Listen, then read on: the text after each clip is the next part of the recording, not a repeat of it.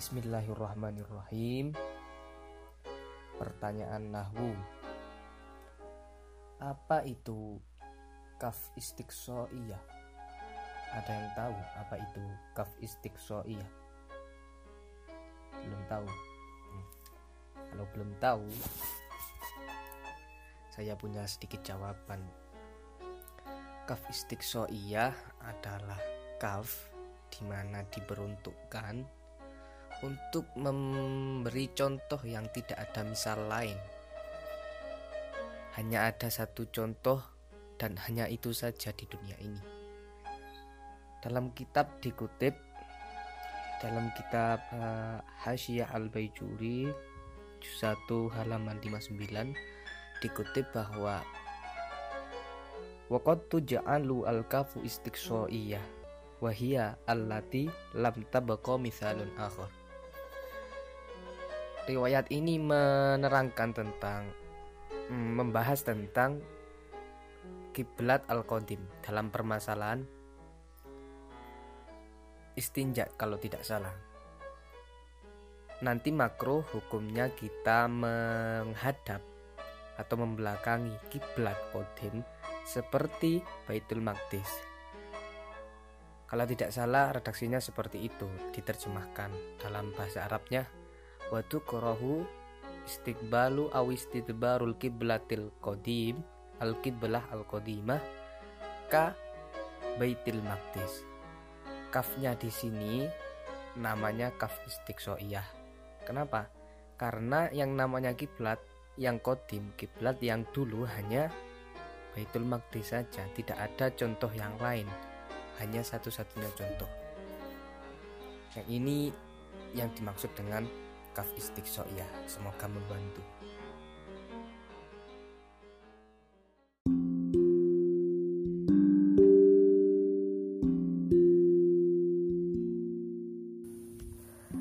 Bismillahirrahmanirrahim. Pertanyaan fikih. Mana yang harus didahulukan? Oh, ini pertanyaan dilema mana yang harus didahulukan? Ketika kita sholat sendiri khusyuk dan ketika berjamaah malah nggak khusyuk. Pertanyaan yang sangat sangat menarik. Antara sholat sendiri khusyuk atau sholat berjamaah tapi nggak khusyuk mana yang lebih baik? Hmm.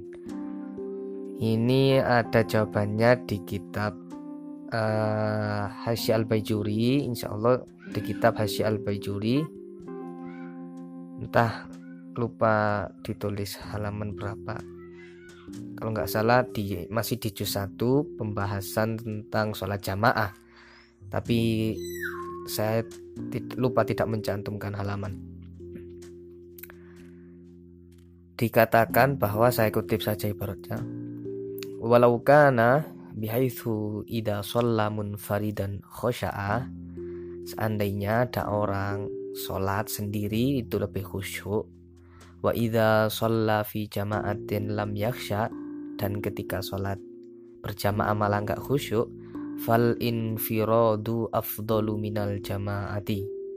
Maka sholat sendiri itu lebih baik ketimbang atau lebih didahulukan disarankan sholat sendiri daripada berjamaah. Wahakadha afta al-Ghazali wa taba'ahu ibnu Abdissalam.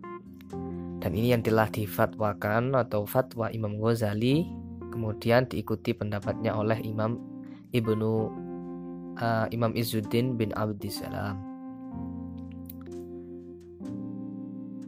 Jadi uh, sholat sendiri khusyuk dan sholat berjamaah tidak khusyuk. Ini yang lebih baik mana? Kalau dalam kitab Al-Baijuri dikatakan ya sholat sendiri uh, khusyuk itu lebih baik daripada sholat berjamaah tidak khusyuk. Tapi pendapat ini terlepas dari hmm, khilaf ulama lain yang bahkan mengatakan ya namanya sholat sendiri dan sholat jamaah atau sholat jamaah fungsinya kan untuk menyempurnakan apa yang kurang apa yang cacat dari sholat. Ya kalau memang nanti tidak khusyuk dan tidak khusyuk disebut atau dinamakan sebagai kekurangan lah misalnya maka ditambeli dengan ganjaran jamaah. Dan ini masih ada perdebatan pelik antara Imam Al-Ghazali dan ulama-ulama lain. Tapi saya cukupkan sekian. Kalau ingin mengetahui lebih lanjut apa perdebatannya bisa dilacak di kitab-kitab fikih. Utamanya terfokuskan dalam bab jamaah itu ada. Sekian semoga membantu. Allah alam jawab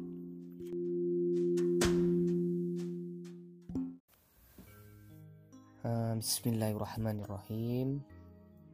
Pertanyaan fikih Mana yang lebih baik? Ini juga masih pertanyaan dilema. Mana yang lebih baik antara sholat dengan melamakan waktu berdiri atau sholat memperbanyak rokaat? Nah, dapat disimpulkan begini pertanyaannya yang didahulukan kualitas sholat atau kuantitas sholat? Mana yang lebih baik antara keduanya? Nah ini dikutip dari Fathul Mu'in halaman 29 masih uh, pembahasan pertama dalam bab babus sholah dikutip wafil majmu dalam kitab majmu Imam Zainuddin bin Abdul Aziz Al-Maribari pengarang mengutip dari kitab majmu menukil pendapat Imam An-Nawawi itolatul qiyam afdolu min takfirir rokaat dalam kitab majmuk dikatakan memilih kualitas sholat atau memperbaiki kualitas sholat lebih baik daripada memperbanyak atau memperbagus kuantitas sholat sholat dengan tempo yang lama ini lebih baik daripada sholat dengan bilangan berpuluh-puluh rakaat. Bisa diambil kesimpulan atau intisari yang mana tidak harus plek dari ibarat ini. Dalam artian kenapa kok yang dipilih itu yang lebih panjang dirinya, rukuknya, gerakannya itu harus eh, dinikmati betul dan tidak perlu tergesa-gesa sampai mengejar beberapa rokaat gitu. Karena pada dasarnya sholat itu ya untuk mengingat untuk e, sebagai bukti kita menghamba.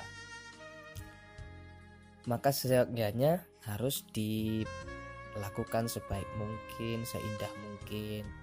Dan itu kemungkinan besar atau peluang terbesar dilakukan dengan cara khusyuk yakni dengan ya slow-slow saja nggak perlu terburu-buru. Kalau kita ibadah dengan apa namanya dalam hati berkerentak ada target harus segini segini itu nanti nggak nggak seru ibadahnya.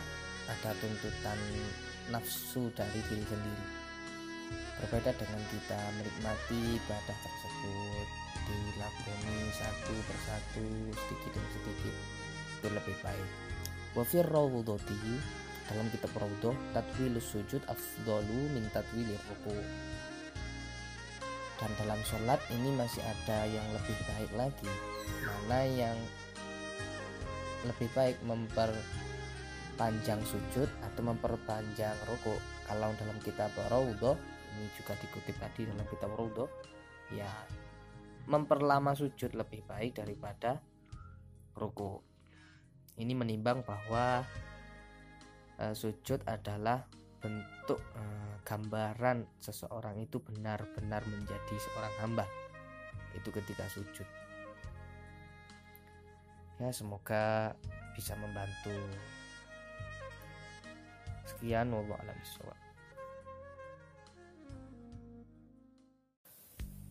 Bismillahirrahmanirrahim. Pertanyaan tentang nahu. Nah, ini menarik. Mim apakah yang ada pada lafat Allahumma? Mim yang menjadi huruf terakhir pada lafat Allahumma adalah mim mim apa dan apa fungsinya? Pertanyaan ini saya temukan dalam kitab fikih. Sekilas saja bahwa pertanyaan ini pertanyaan nahwu. Tapi kenapa kok berada di kitab fikih? Yaitu apakah merupakan kesalahan? Pertanyaan ini saya ketemukan dalam kitab Hasyiah Al-Baijuri yang mana dikarang oleh beliau Al-Imam Ibrahim Al-Baijuri yang kita tahu bahwa selain mengarang kitab fikih selain sebagai al-fuqaha ahli fikih beliau juga mengarang kitab lain seperti ilmu kalam, kitab tauhid yang mana mencarai kitab Jauharatul Tauhid yakni adalah kitab Tuhfatul Murid. Kitab Tuhfatul Murid mencarai kitab Jauharatul Tauhid. Ini karangan beliau.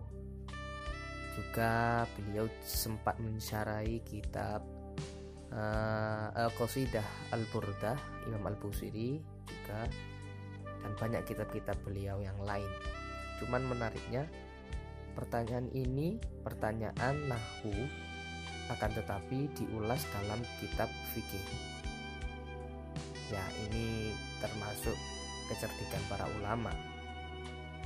Tidak dapat dipungkiri bahwa fukoha pun semuanya ahli uh, ilmu gramatikal Arab, nahu sorof tidak bisa dikatakan tidak. Mereka semua pasti mumpuni dalam bidang itu ini malah tidak menjawab pertanyaan. Baik, uh, saya bacakan saja ibaratnya langsung. Uh, hanya satu baris saja dalam kitab Al-Baijuri cetakan Darul Kutub Al-Islam uh, Al-Ilmiyah Beirut halaman 315 juz 1 Qauluhu wa huwa Allahumma ay ya Allah. Allahumma pada dasarnya atau berartikan ya Allah. Famimuhu iwadun an harfin nida. Mim yang terdapat pada lafat Allahumma adalah pengganti dari huruf nida huruf panggilan ya. Yang sebetulnya ya Allah kemudian dialihkan menjadi Allahumma. Dan mim ini termasuk uh, huruf pengganti dari ya. Dalam lafaz Allahumma mim dikategorikan sebagai pengganti atau iwat dari huruf nida berupa ya sekian semoga membantu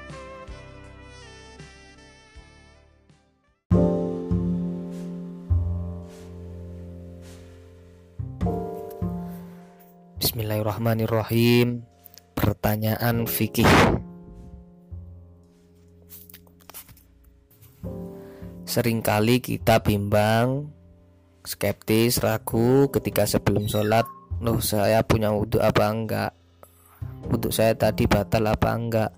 Saya sudah wudhu belum?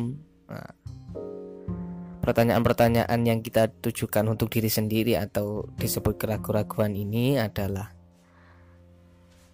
kejadian yang sering menimpa kita khususnya buat para kita yang peragu pengalaman seperti ini acap kali terjadi karena memang kita di uh, terlalu terbiasa ragu. Jadi di, terlalu menyampingkan hal-hal kecil semacam saya punya wudhu apa belum? Dan kita nggak mengetahui apakah masih ragu lah intinya masih ragu apakah sudah punya wudhu apa belum. Nah ini permasalahan yang sering kali terjadi juga bisa diuraikan begini. Jika memang yang dipertanyakan adalah saya sudah wudhu apa belum? Maka konklusinya kesimpulannya bisa dipastikan dia tidak punya wudhu. Kalau pertanyaannya demikian saya sudah wudhu apa belum? Itu bisa dihukumi atau muara hukumnya nanti dikatakan belum wudhu tapi kalau pertanyaannya begini apakah wudhu saya batal? Apakah wudhu saya masih ada? Berarti apakah saya melakukan hal yang membatalkan wudhu atau tidak? Kalau memang pertanyaannya seperti ini maka bisa dipastikan juga wudhunya masih ada dan tidak perlu wudhu lagi. Ini ber, berangkat dari kaidah dalam kawaidul fikhi dikatakan termasuk kaidah kuliah yakni kaidah yang ketiga kalau tidak salah al aslu al adam atau al aslu ya al aslu al adam adam al aslu bako umakana ala makana. Dikatakan seperti itu. Cuman ini ada sedikit ibarat dari hmm, kitab Al-Baijuri kalau tidak salah. Dikatakan lau tayakona at-tuhro thumma syakka hal ahdatsa amla jika seorang yakin mempunyai atau wuduknya masih ada.